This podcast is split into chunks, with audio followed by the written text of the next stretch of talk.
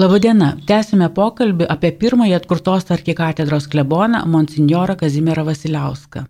Jis, anot maldo žodžių, davė neskaičiuodamas, kovojo nepaisydamas žaizdų, darbavosi neieškodamas poilsio, aukojosi nelaukdamas jokio kitokio atlygio, tik žinojo, kad vykdo dievišką valią. Šiandien pokalbėje apie pirmąjį atkurtos arkikatedros kleboną dalyvauja profesorė literatūrologė, e, Kazimiero Vasiliausko labdaros fondo valdybos narė Viktorija Daujotytė. 2001 m. spalį, išlydint į paskutinę kelionę, profesorė Lietuvos radijui sakė. Kuningas Kazimieras buvo ypatingas pasiuntinys, tarpininkas tarp turtingų ir vargšų, tarp aukštuomenės ir pačios didžiausios varguomenės, tarp didžiausių laisvės žmonių ir tarp kalėjime esančių. Jis jungė, perneždama žinias iš vieno pasaulio į kitą, buvo sukaupęs daug žinių.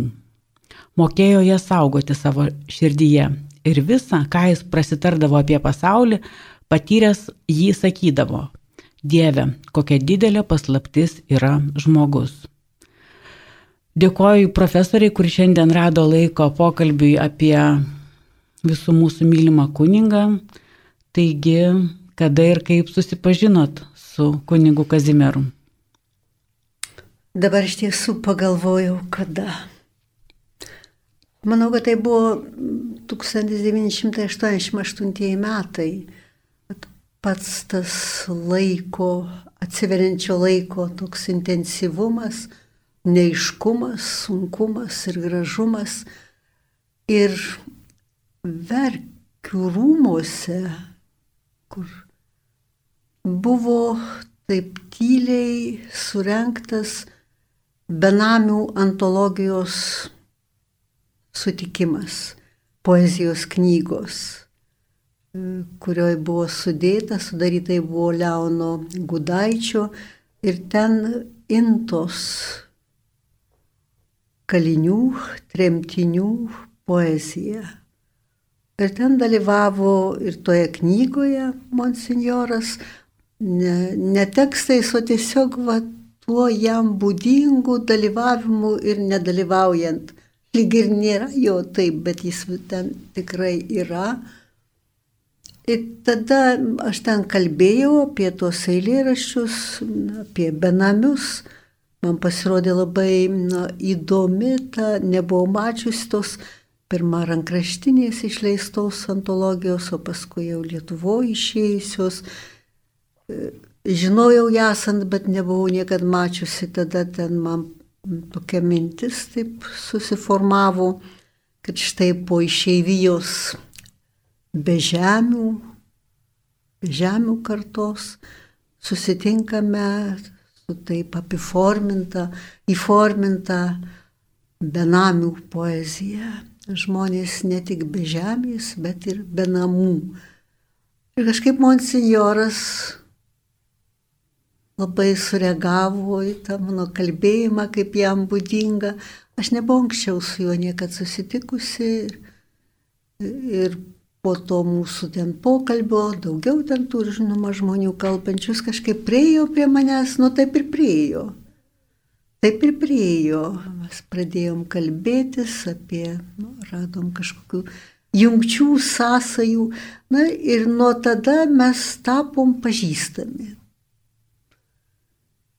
Nu, mano toks gal ir, ir man būdingas toks atsargumas e, su žmonėmis, ypač su nu, kunigu, toks atokumas ir aš niekad negaliu taip aktyviai su žmogum kažkaip susitikti. Tai monsinjoro visą laiką būdavo tokia lyg ir na, savotiška na, pirmoji reakcija, lyg iniciatyva. Pamatydavo, pakalbindavo, nusišypsodavo.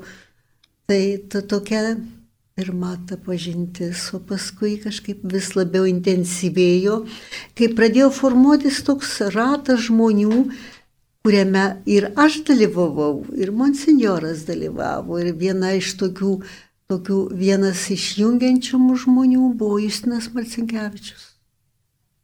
Monsinjoras buvo neformalus rašytojų sąjungos parapijos klebonų, kaip jisai save vadindavo, ir dažnai bėgdavo į bažnyčios renginius. Kuo jisai buvo įdomus rašytojam ir kuo skiriasi iš dvasininkų? Na, čia monsinjoro Kazimiero misija tuo laiku Lietuvai išeinant iš to savo dvasios kalėjimo, netgi iš inteligentams būdingos, netgi bažnyčios baimės, arba iš atsargumo, nežinojimo, kaip, kaip kunigai, arba kunigas gali reaguoti į tuos nu, ir rašytojus, ir žmonės, kurie, nu, šiaip ar taip gyveno be tokio atviro santykio su bažnyčia ir be ir atsivėrusios bažnyčių durys jiems iš tiesų ne visada buvo atsivėrusios. Ne visada, ne dėl to, kad bažnyčia nebūtų atsivėrusi, tiesiog tie žmonės buvo tokioje dviprasmiškoje dažnai padėti, atrodė, nu, kad tam save tarsi gerbiančiam žmogui kažkaip sunku bėgti su bėgančiais, bėgti su ta minė žmonių, kuri laisviau ir ramiau bėgo Ir labai staigiai pagausėjo bažnyčio žmonių, nors aišku, kad tokių žmonių, kurie iš tiesų buvo, bažnyčio žmonės jų nepadaugėjo ir negalėjo padaugėti. Kas buvo, tie ir buvo. Tai monsinjoras buvo nu, padrasinimas. Ir vėl sunku pasakyti, kokiu būdu tu to savo vėl kaip tarp tarpininko tokiu vaidmeniu. Jis tiesiog atrodė, kad nu, eiti ten ir, ir į bažnyčią, ir, ir, ir, ir, ir atsistoti, ir, ir, ir prieiti, ir būti, ir, ir, ir, ir gal ir melstis, kaip ir tu gali ten, kur jau monsinjoras tarsi leidžia, tai tikrai gali eiti. Tai manau, kad tas jo vaidmuo buvo šitoks padrasinančio žmogaus Na ir vėl tokia buvo ne visada tokia skaidri situacija, kaip aš ją mačiau iš arčiau ir iš toliau. Buvo žmonių, kurie nu, siekia ir pasinaudoti monsinjoro autoritetu, e, to piktumo jų biografijose, to tokio nešvarumo biografijoje. Nu, buvo tikrai buvo. O atrodė, kad monsinjoro tas pėties paglaustimas arba kas, tai jau ir yra atleidimas už viską, nors taip, taip lengvai mes negalėjom būti atleisti. Turėjo būti sunkesnis tas kelias. Tai dviejopa, bet buvo žmonių, kuriems tas monsinjoro buvimas buvo tikras durų atidarimas ir į bažnyčią, ir į tą nu, skaidresnį tokį tikėjimo, pasitikėjimo pasaulį. Tai mm, rašytojų parapijos klebonų rodos Valentinas Ventickas taip jau jį pavadino taip. ir monsinjorui tas patiko. Jam apskritai patikdavo, jis turėjo tokią reakciją, jam pasirodė, kad tai gerai, kad tai tikslu, kad tai nenudailinta maždaug čia, ne, ne koks nors jau čia toks ypatingas, ne kas nors. Apskritai tas parapijos klebonas gal jam buvo tai, kas buvo labiausiai jam tinkama, priimtina, juk jo ir visam elgesy, ir jo išvaizdoje atliko tas, sakyčiau, nu, parapijos klebono toks vaizdinys, savo tokio mm, viską matančio, viską tvarkančio, nieko labai čia nenorinčio ypatingo, bet ir nenuleidžiančio tos tokios reiklumo kartelės. Nu, o kita buvo tai, kad monsinjoras iš tiesų turėjo tą prigimtinį literatūros jūtimą. Tai iš kur jisai gavo jį? Kaip tai manot? čia, tai čia yra visa tokia jo ypatinga biografija ir vis galvoju, kad čia dar tokia tema, prie kurios kas nors galbūt grįž su tokiom naujom jėgom. Jis priklauso į tai ypatingai kartai, gimnazistų, ateitininkų, vėliau šatriečių yra tam gimnazistiškam sąjūdžiai, kuris lėmė žemininkų kartą, visą poetinę kartą. Ir Biržų gimnazija buvo viena iš tų aktyviųjų Lietuvos gimnazijų, greta, kaip galvoju, greta Panevežio gimnazijos ir Telšių gimnazijos. Tarsi centrai tokie buvo susidarę. Nu, gal ir Vilkaviškio dar taip pat ir daugiau, bet ryškiausi buvo tada šitie. Tai jeigu pradėtume minėti, kas maždaug tuo pačiu laiku tarp 20-24 metų gimimo baigė va, to krašto gimnazijas, Vabalninko, Biržo, Pasvalio ir tai čia susidarytų ko ne didžioji žemininkų kartos dalis. Sakysime, ateitininkų vaira Kazimieras Vasiliauskas perėmė iš Eugenijaus Matuzevičiaus. Iš, ir, aišku, buvo kartu su jo broliu Leonardu Matuzevičium, su juo kartu ir tremty buvo, su irgi rašančio eilėrašius. Tai ta ateitininkija, jos centras buvo, kadangi čia vis tiek tas dvasinis pasaulis, Dievo tėvynės ir nešve, ne, neatskiriamai meno pasaulis jų, jų jaunose sielose labai skleidėsi. Tai iš, iš pat jaunumės jis augo šitoj tokioj knygos, poezijos visoj, visoje atmosferoje ir vadovaudamas ateini, ateitininkams ir dalyvaudamas kitų gimnazijų ateitininkų rengiamuose susirinkimuose ir už susipažinęs ir su Vytautu Mačerniu, o supranę aukštikalnytę kaip to paties krašto, to, to, to, to paties pasaulio vaikai. Žodžiu, žodžiu, jo yra tas literatūros, literatūros pamatas padėtas iš gimnazijos ir ypač iš ateitininkų veiklos, kuri jam, renkantis į tą gyvenimo kelią ir seminariją, nu, buvo apskritai tikri vartai, ta ateitininkija šviesioji. Tai, tai atėjęs į rašytojų sąjungą jis kažkaip kvėpavo tarsi tuo poezijos tokiu oru ir ypač, kad susitiko tikrai su jo dvasiai artimai žmonėmis ir su jo dvasiai artima kūryba, kurioj, kaip jau pasakytume jo žodžiais, buvo tas aukštasis vertybių pasaulis. Ta puota sielų galėjo vienaip ar kitaip atsiskleisti jis pats buvo didis tų suvargusių, mm, nuliūdusių, kenčiančių moterų širdžių godėjas. Jau tų pavyzdžių yra e, tikrai labai daug, o, o patį tokį gražiausią pavyzdį jums, Ramūne, pasisekė pateikti at, knygoje apie monsinjorą gyvenimas, koks jis buvo. Kurį turit galvoje? O turiu galvoje šitą jauną moterį, kuri, kuri liko viena ir viena pati, viena gimdė.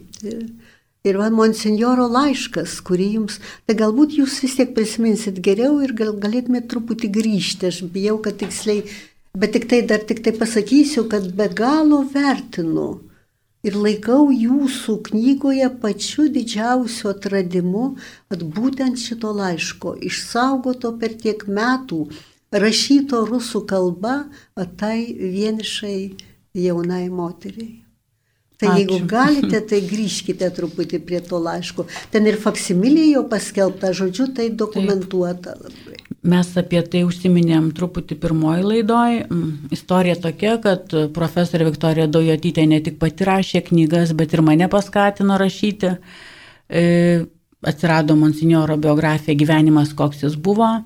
E, praėjus metam po monsinjoro mirties e, išėjo gana didelė rašytojų sąjungos išleista knyga raš, Širdies neatskiriamasis, pilna pasakojimų mano draugai Londone vadino tą knygą geriausiais vaistais nuo depresijos. Tai yra puikus pavyzdys, kaip monsinjoras lagerio sąlygom sugebėjo išgyventi, džiaugtis, vertinti tais gerais dalykais. Aš e, monsinjoro laidotuvėse nebuvau. Mm, kai grįžau po, po metų studijų, profesorė, mes susitikom pirmose monsinjoro mirties metinėse Ir jūs mane tada paskatinot apklausti kunigus, monsinjorą pažinojusius, iš to ir, ir, ir gimė ta knyga. Mm, o, o įdomiausia dalis, ko gero, buvo mano sprendimas važiuoti į Latviją ir ieškoti monsinjoro pėdsakų. Grįžęs iš lagerio, jisai pagal to meto tvarką dešimt metų negalėjo gyventi Lietuvoje Todėl pasirinko pirmiausia Baltarusiją, o galiausiai neradęs kur glaustis atvyko į Latviją ir ten dirbo Ždanovo kolhoze. Manau, ne be Montinjoro pagalbos mes atradom tą Ždanovo kolhozą. Tai yra tas pats, kas rasti adatą šieno kupetoj, nes pavadinimai senai pakeisti. Ir, bet mes radom ir, ir negana to atvažiavę į tą kaimą, suradom pir, pirmasis vyras, kurį mes užkalbinom, buvo uh, sutoktinis uh, moters, kuri atsirado, atėjo į pasaulį monsinjoro dėka. Istorija tokia, kad moteris uh, laukėsi vaiko, vyras, jie nebuvo sutoktiniai, nenorėjo su jie tuoktis ir jinai buvo nutarusi žudytis. Monsinjoras jai parašė laišką ir įtikino gimdyti. Ir mes po 50 metų atvažiavę radom, sutikom tą moterį gulinčią jau lygos patale, kuri prie širdies glaudė monsinjoro prieš 50 metų rašytą laišką, sakydama, kad jisai išgelbėjo ir jos dukters, ir jos gyvenimą.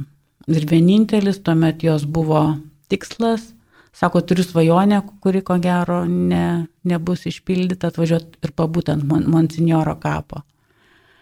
Tai yra pasakojimas, kaip iš šventųjų istorijų, kad žmogus savo prisilietimu gali nuveikti tokius didelius darbus ir, ir do, iš, išsaugot gyvybę. Ta kelionė tikrai buvo nuostabi ir atsimenu, mes su kunigu Gintaru Petroniu važiavom atgal ir abu negalėjom patikėti, kad tai įvyko. O aš dar kartą vėliau važiavau į Latviją, į daug pilį surasti pastato, nes e, pradžioje atvykęs į Daugpilį monsinjoras dirbo depę, kaip jisai sakydavo, esu geriausias darbuotojas, elektrikas, kuris išmėtydavo visus atsuktuvus, grįždavo purvinas ir jis glaudėsi pas vienuolės Euharistijos seseris. Antrą kartą nuvažiavus į Daugpilį aš suradau tą pastatą ir sutikau vienuolę, kuri būdavo viena iš tų, kuri dalindavosi su monsinjoru valgyti, skalbdavo neiškalbiamus depę išteptus jo drabužius ir gyveno, melzdavosi. Tai va, toj kelioniai po monsinjoro mirties jutau aš jo buvimą. Sako, žmonės neišeina, jie išeina, bet, bet mes, tie, kurie buvo artimi, jaučiam jų buvimą. Ir man atrodo, iš tiesų, monsinjoras, kaip jūsų pavartotas knygoje Biblijos sėjėjas, labai daug yra išsisėję žmonėse. Taip, pramonė, ir jeigu taip nebūtų ir, ir mudvi čia nesikalbėtume ir neatstovautume tai moterų kažkokiai bendruomeniai, kur, kur, kur tas, tas santykis ryšys kažkoks tikrai buvo itin ryškus ir dabar e, priminėte tą istoriją, tos moters išgelbėjimą, tas laiškas man akise stovi, parašytas taip gražiai ir taip padrasinančiai. Ir kaip supratau, jis ją rėmė, jis jai padėjo, jis ją lankė. Bet kas čia yra, ką, ką reikėtų mūsų ir tikinčiųjų bendruomeniai, ir, ir, ir apskritai kultūros bendruomeniai pradėti justi apie monsinjorą formuojasi tie išskirtinėms asmenybėms būdingi tarsi mitiniai ratilai. Praeis kiek laiko ir tva, ta istorija, kaip jis išgelbėjo moters ir jos kūdikio gyvybę ir kaip jį 50 metų išlaikė tą ranką parašytą laišką, jis artės į tam tikrą mitinį apibendrinimą, kaip tai gali būti. O pirmoji ta mitinė istorija papasakota labai patikimo asmens, vėlgi moters bus, tai Zito Žemaitytis, yra istorija, kurią jau jūs turbūt gal ir aptarėte, tai istorija su tuo, e, nu, plėšiku reikėtų sakyti, kuris lipo per tą e, Švento Rapolo bažnyčios to, nu, balkonėlį. Tai papasakokit daugiau, nes e, esu dėkinga jum už tos istorijos pri, priminimą Kadangi išgirdę tą istoriją mes galutinai apsisprendėm dėl vietos Vilniuje, kur įamžinti monsinjoro Kazimiero Vasiliausko atminimą. Ir buvo pasirinkta Rapolos bažnyčia, jos šventorius, kur per krizę be valdžios mums pavyko surinkti 100 tūkstančių litų ir pastatyti riedulį, puikų lauko akmenį, kurį pagražino skulptorius Jonas Gencevičius. Papasakokit tą istoriją, kuri... Tai norėčiau pasakyti, kad tai yra labai nu, sėkmingas projektas. Ir taip mėla pamatyti ir žvakę, jeigu jau ir nedegančią, ar gėlelę, ar žiedelį padėtą. Na, o ta istorija yra ypatinga. Ir Zita Žemaitytė, juk ne šiaip sau sakytum ten, nu, nu ne šiaip savo kokia nors sentimentali, sakysime, siela ten būtų, bet tai dailėtyrininkė, labai išsilavinusi, labai racionalios, netgi sakyčiau, prigimties žmogus, į savo atminimuose visą savo dėmesį sutelkė į tą istoriją. O istorija atrodo tokia paprasta. Taip, monsinjoras tada gyveno e, tokiam Mes buvome tam kambarėlyje ir balkonėlis, kuris kabo toksai ir, ir, ir, ir, ir matyti jisai nuo neries pusės tas balkonėlis iš tiesų. O Zita pasakojo, pasakojo taip, na, monsinjoras, dar joks ne monsinjoras, o vikaras bažnyčios, e, vakare vėlai sėdi prie savo stalo, lempelę ten pasisukęs, skaito ir girdi, kad už lango kažkas krepšta. Jisai prieina prie to lango, prie balkonėlių ir mato į turėklą balkono įsitvėrusias rankas, jau virpančias iš įtampos.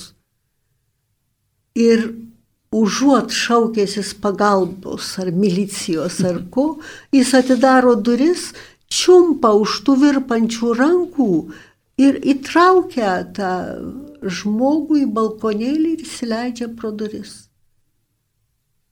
Ir aišku, su juo kalbasi, aiškinasi, kas ir kaip, ir aišku, kad supranta, kad ne iš gero gyvenimo tas vargęs, sušalęs žmogus čia kabinasi ir, aišku, gerų kėslų neturėdamas, norėdamas, nu, kažką pasiimti ar, ar ką, nu, pačiu geriausiu atveju. Na, jis iš tiesų jį ir aprengia, ir pamaitina, ir pagirdo arbata, ir suteikia jam nakčiai kažkokią nakvynę, paskui jį išleidžia ir netgi, kaip liudija Zita, palaiko su juo ryšius ir irgi žmogų kažkokiu būdu gražina į gyvenimą. Čia ir pats elgesys, nu, ir pats elgesys ir tai, kad jis išlieka va, to pasakojančio žmogaus atmintyje, ir kad jis laikomas labai reikšmingu. Žmonės, kurie daug metų susirašinėjo, daug metų bendravo ir laiškai parašyti Zitai Žemaitytė apskritai yra unikaliausias, monsinjoro parašyti laiškai, unikaliausias dvasinis liūdimas. Ir Onė Balikonė pasiaukojamai rengusi tos laiškus, ji negalėjo rasti kito gražesnio pavadinimo iki švitėjimo, dvasia nusvidinta iki švitėjimo tuose laiškuose. Tai va tas žmogus, kuriam rašyti tie iki švitėjimo nusvidinti laiškai, laikė, kad visame jo, jo, jos atsiminimų laukia svarbiausias yra šitas pasakojimas. Ir aš dabar manyčiau, kad pagal reikšmingumą antras yra va šitas. Laiškas šitas, šita moteris Rusija kurios gyvybė ir jos dukters vadinasi gyvybė, bet šitaip išgelbėta. O kas tai yra? Tai yra apskritai to kunigo, to na, dvasio žmogaus, tos prigimties unikalumo liūdimas. Mes turėjome galimybę ir tebe turime be abejo jausti, kad mūsų padangėje yra būta nu, įspūdingo žmogaus, nu taip, Dievo žmogaus reikėtų tai sakyti visiškai atvira širdim. Tai neįtikėtino žmogaus. Mm, toje pačioje atsiminimų knygoje apie monsinjorą Tomas Sakalauskas rašė, krikščionio vertybę mes nustatome pagal tai, kiek jis sugeba padėti kenčiančiam nelaimingam žmogui. Jurgai Vanauskaitė kuningas yra sakęs, jaučiuosi pats laimingiausias, kai sugebu žmogui jo ašarą nušuostyti, nuo jo krūtinės akmenį nuristi, kai pasiseka padėti kitam išsilaisvinti nuo kokios nors kalties ar nuodėmės naštos. Ir gal nebereikalo medalija, kuris buvo padarytas monsinjoro kunigystės 50-mečio proga, jisai pasirinko Šventą Kazimierą ir dar užrašė žodžius, kad didžiausia mūšių vieta pasaulyje yra žmogaus širdis. Tai labai artima Dostojevskio literatūrai. Kodėl jisai pasirinko ir kodėl Dostojevskis jam buvo artimas, kaip ir dauguma rašytojų, kurie žemininkus minėjot. Bet Dostojevskis ypatingai, nes jisai save tą patindavo monsinjoras Vasiliauskas su Olioša. Nu, skaitė Dostojevskį ypatingų savo gyvenimo laikų, tai juk yra jo jo tremties e, metai.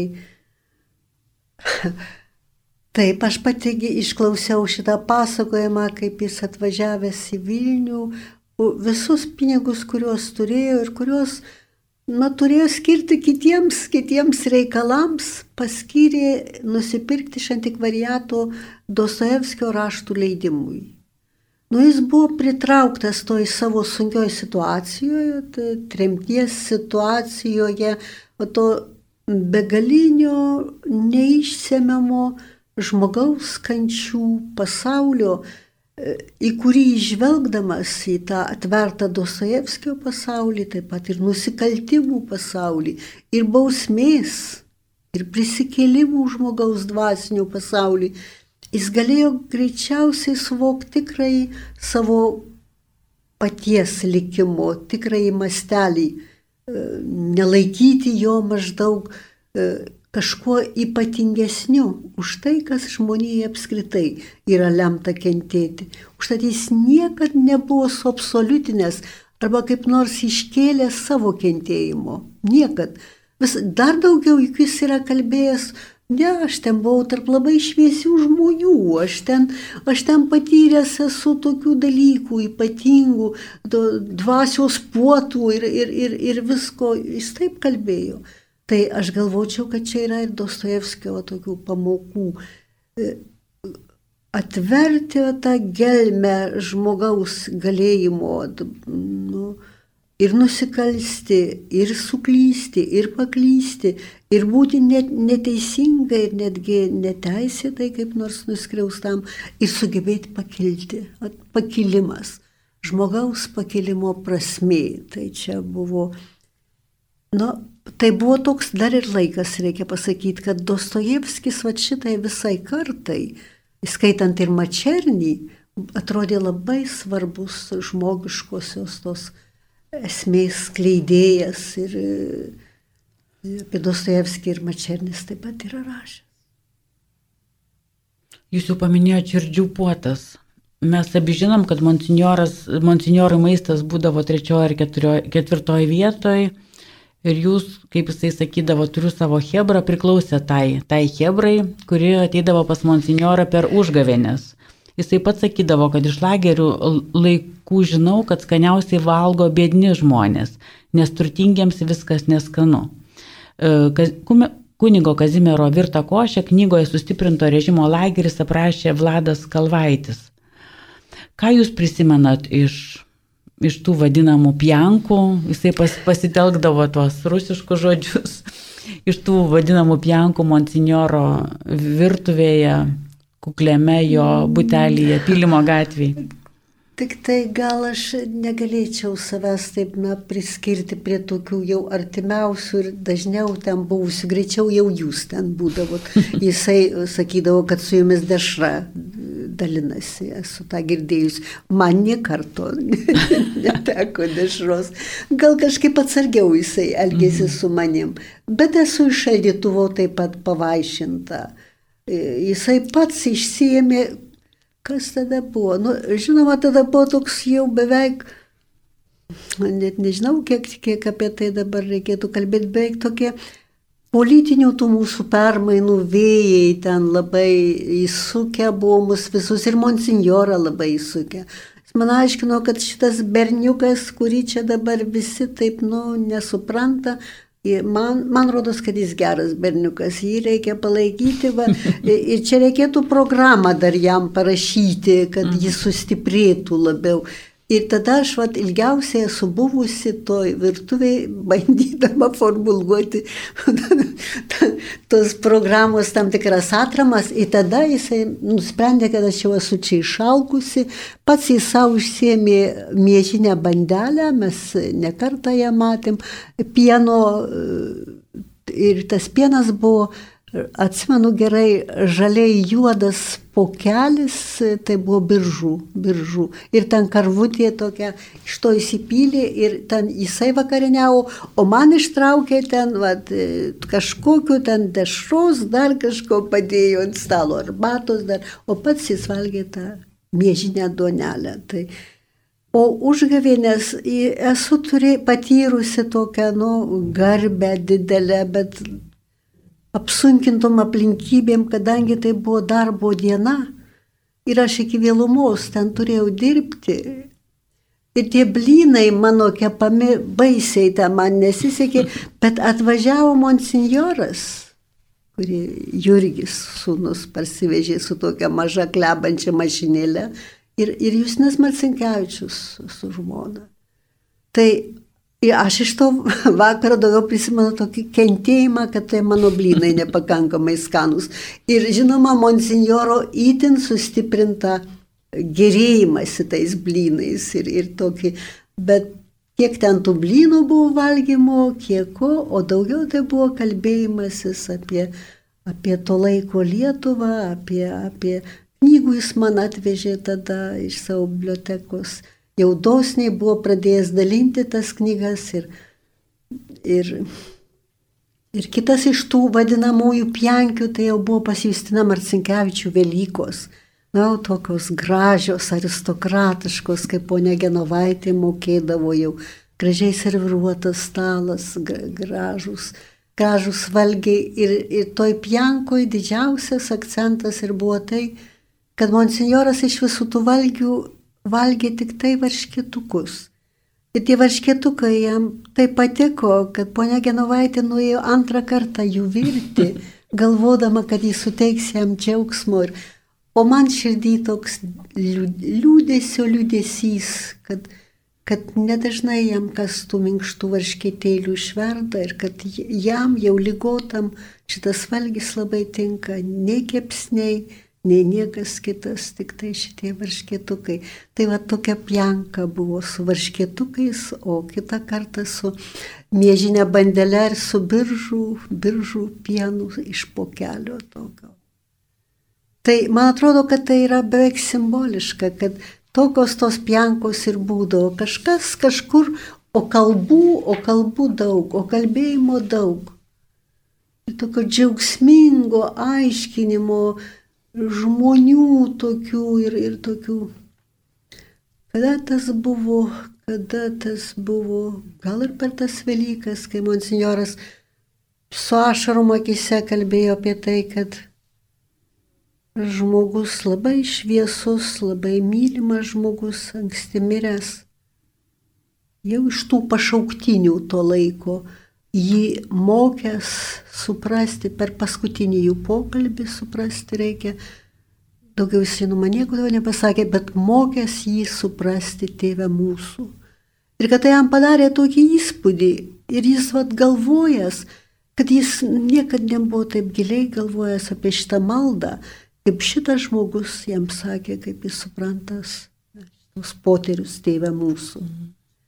Tai, bet su ašrom akise, su tokiu tikėjimu, su tokiu pasitikėjimu ir svarbiausia, su tuo pasitikėjimu, kad mane kuniga, mane kuniga, mane seną kuniga, mane monsinjorą, kad šitas žmogus, žengiantis jau prie savo ribos, mokė suprasti tėvę mūsų, bet su ašarom akise. Mm, aš labai ryškiai prisimenu paskutiniuosius monsinjoro gyvenimo metus, kuomet jisai būdamas emeritas įsiprašė e, į Mikalojaus bažnyčią, eidavo į šventovę kiekvieną rytą, sakydavo, jeigu nepasirodysiu, bobutės mane užgrauš negyvai. Pakviestas dažnai pabėgdavo iš mirtininkų palatos į susitikimus, lydėjo laidotuvės, liko ištikimas pasirinkimui su kiekvienu žmogumi ieškoti tai, kas jungia, o ne tai, kas skiria. Stebino sąmoningas jo pasiruošimas išėjimui. Atsimenu, kaip džiaugiasi darydamas paskutinį gyvenimo remontą, o prieš pat mirtį nutarė iškraustyti savo būtą, sakė mano giminaičiam, knygos nėra didelė vertybė, kad nebūtų makulatūra, reikia kažką daryti. Ir mes buvom liudytojos, kaip jisai važiavo į, į Vabalninką Galit papasakot, kas jums įstrigo iš tos kelionės? Na, įspūdinga buvo ta kelionė, dėkinga likimui, kad, kad teko tą kelionę keliauti kartu su juo ir su Jonu Strilkūnu. O nuvažiavome Vabalninką, važiuodamas atrodė labai dar gyvas, guvus ir toks pilnas, tiek tas kelias jam suteikė tiek, tiek vilčių, o kai jau nuėjome į kleboniją, ten sutiko labai toks mielas, toks klebonas, toks pilnas gerumo. Kaip gaila, kad aš, nu, labai gaila, bet nebuvau neįsidėmėjus, vienintelį kartą žmogų mačiau, negaliu paminėti nei vardo, nei pavardės, tai tebūnė man už tai atleista. Jis numovė monsinjorui batus, koinėlės tokios plonos, atnešė savo šiltas vilnonės koinės, apmovė jį ir sako, gulk broli, prigulk broli, dar yra laiko, prigulk, palsėsi. Ir tikrai monsinjorui buvo, jis jautėsi blogai. Ir mes išėjom su Jonu Strielkūnu, jis man norėjo parodyti tavo balninką, čia kur kas ir kaip.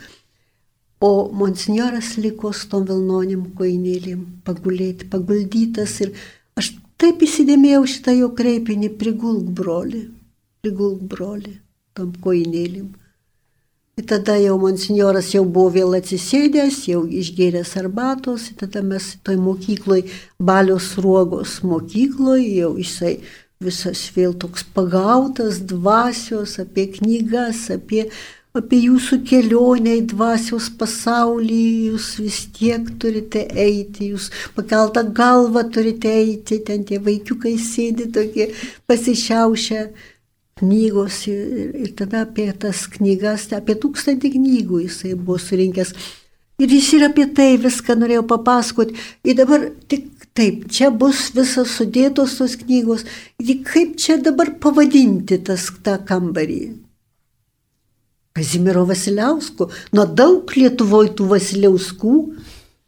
Sakau, gal nereikia monsinjorė to pavardės. Visi žino, kad monsinjoras Kazimieras tai yra vienas Lietuvai.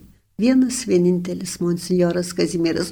Nu, galėtų būti monsinjoro Kazimiero kambarys. O toks, toks jau buvo paskutinis. Ir, ir tikrai at, mačiau tarsi tokią nedidelę, bet visą gyvenimo istoriją, nuovargį, kito klebono, to dvasios brolio, tokį dėmesį ir iš karto supratimą, kad jam blogai, kad jis prastai jaučiasi, tą priglobimą ir saga dvasia vėl pašoka į viršų, kaip, kaip liepsnelė žvakės ir jis vėl pilnas energijos.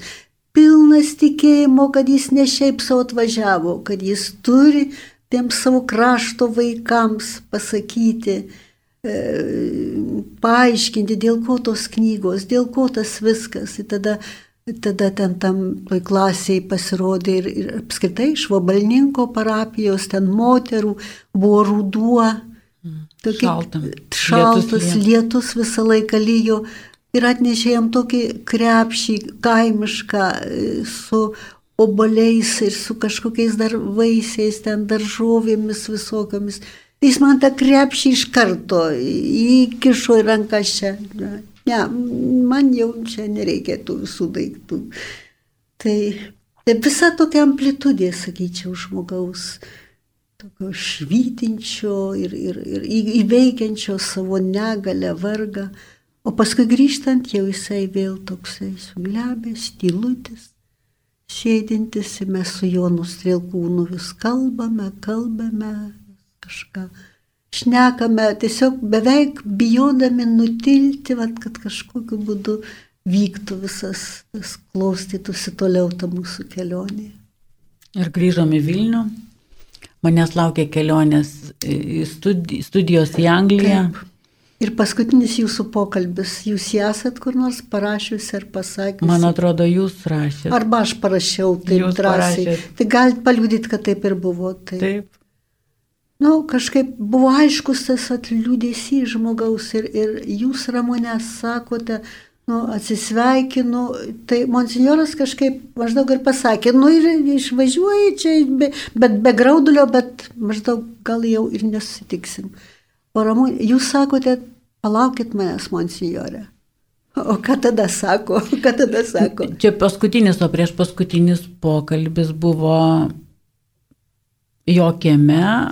Mm, aš sakiau, monsinjorė, palaukit mhm, manęs, mhm. E, grįžtančios po metų. Jisai sirgo vėžių, visi žinojom, kad mes jau nesustiksim. O jisai sako, ką aš koks ženikas, kad tavęs ar laukčiau. Taip, ar aš tau ženikas koks, taip, taip viskas, nu, nuplaukė visi pradėjom juoktis iš taip, to ženicho. Sugebėjo jisai, o paskutinį kartą tai aš sakau, ar susitiksim, sako, žinau, kad susitiksim, bet nežinau. Kur? Kur? Nežinau kur. Tai va stebino jo tas neapleidžiantis humoro jausmas, gebėjimas tiksliai formuluoti ir nusiteikimas išeiti, kaip pasakoja žmonės, kad e, gulėdamas mirties patale ir atgaudamas sąmonę jis vis kartojo ačiū, ačiū. Seselėms sakydavo, eikit pailsėti. O jūs kada paskutinį kartą matėt, monsinjorą? Mačiau jo reanimacijos palatoje ir rodos tada jis man dar užrašė, pasirašė autografą ant pamokslo rodos Jono Vileišio metinėms skirtam pamokslui, kažkaip aš pamačiau jį pasidėtą. Gali pasimti, kaip jam būdinga. Sakau, pasirašykite, monsignorė. Jis man pasirašė. Paskui aš taip jau, nu, kažkaip palaikė mano ranką. Nu, reanimacijos palatoje buvo, bet dar, bet žinau, kad paskutinis su juo susitiko Justinas. Nu ir labai Trumpai paskutinis klausimas, kurios monsinjoro puoselėtos vertybės nyksta ir yra aktualios mums šiandien.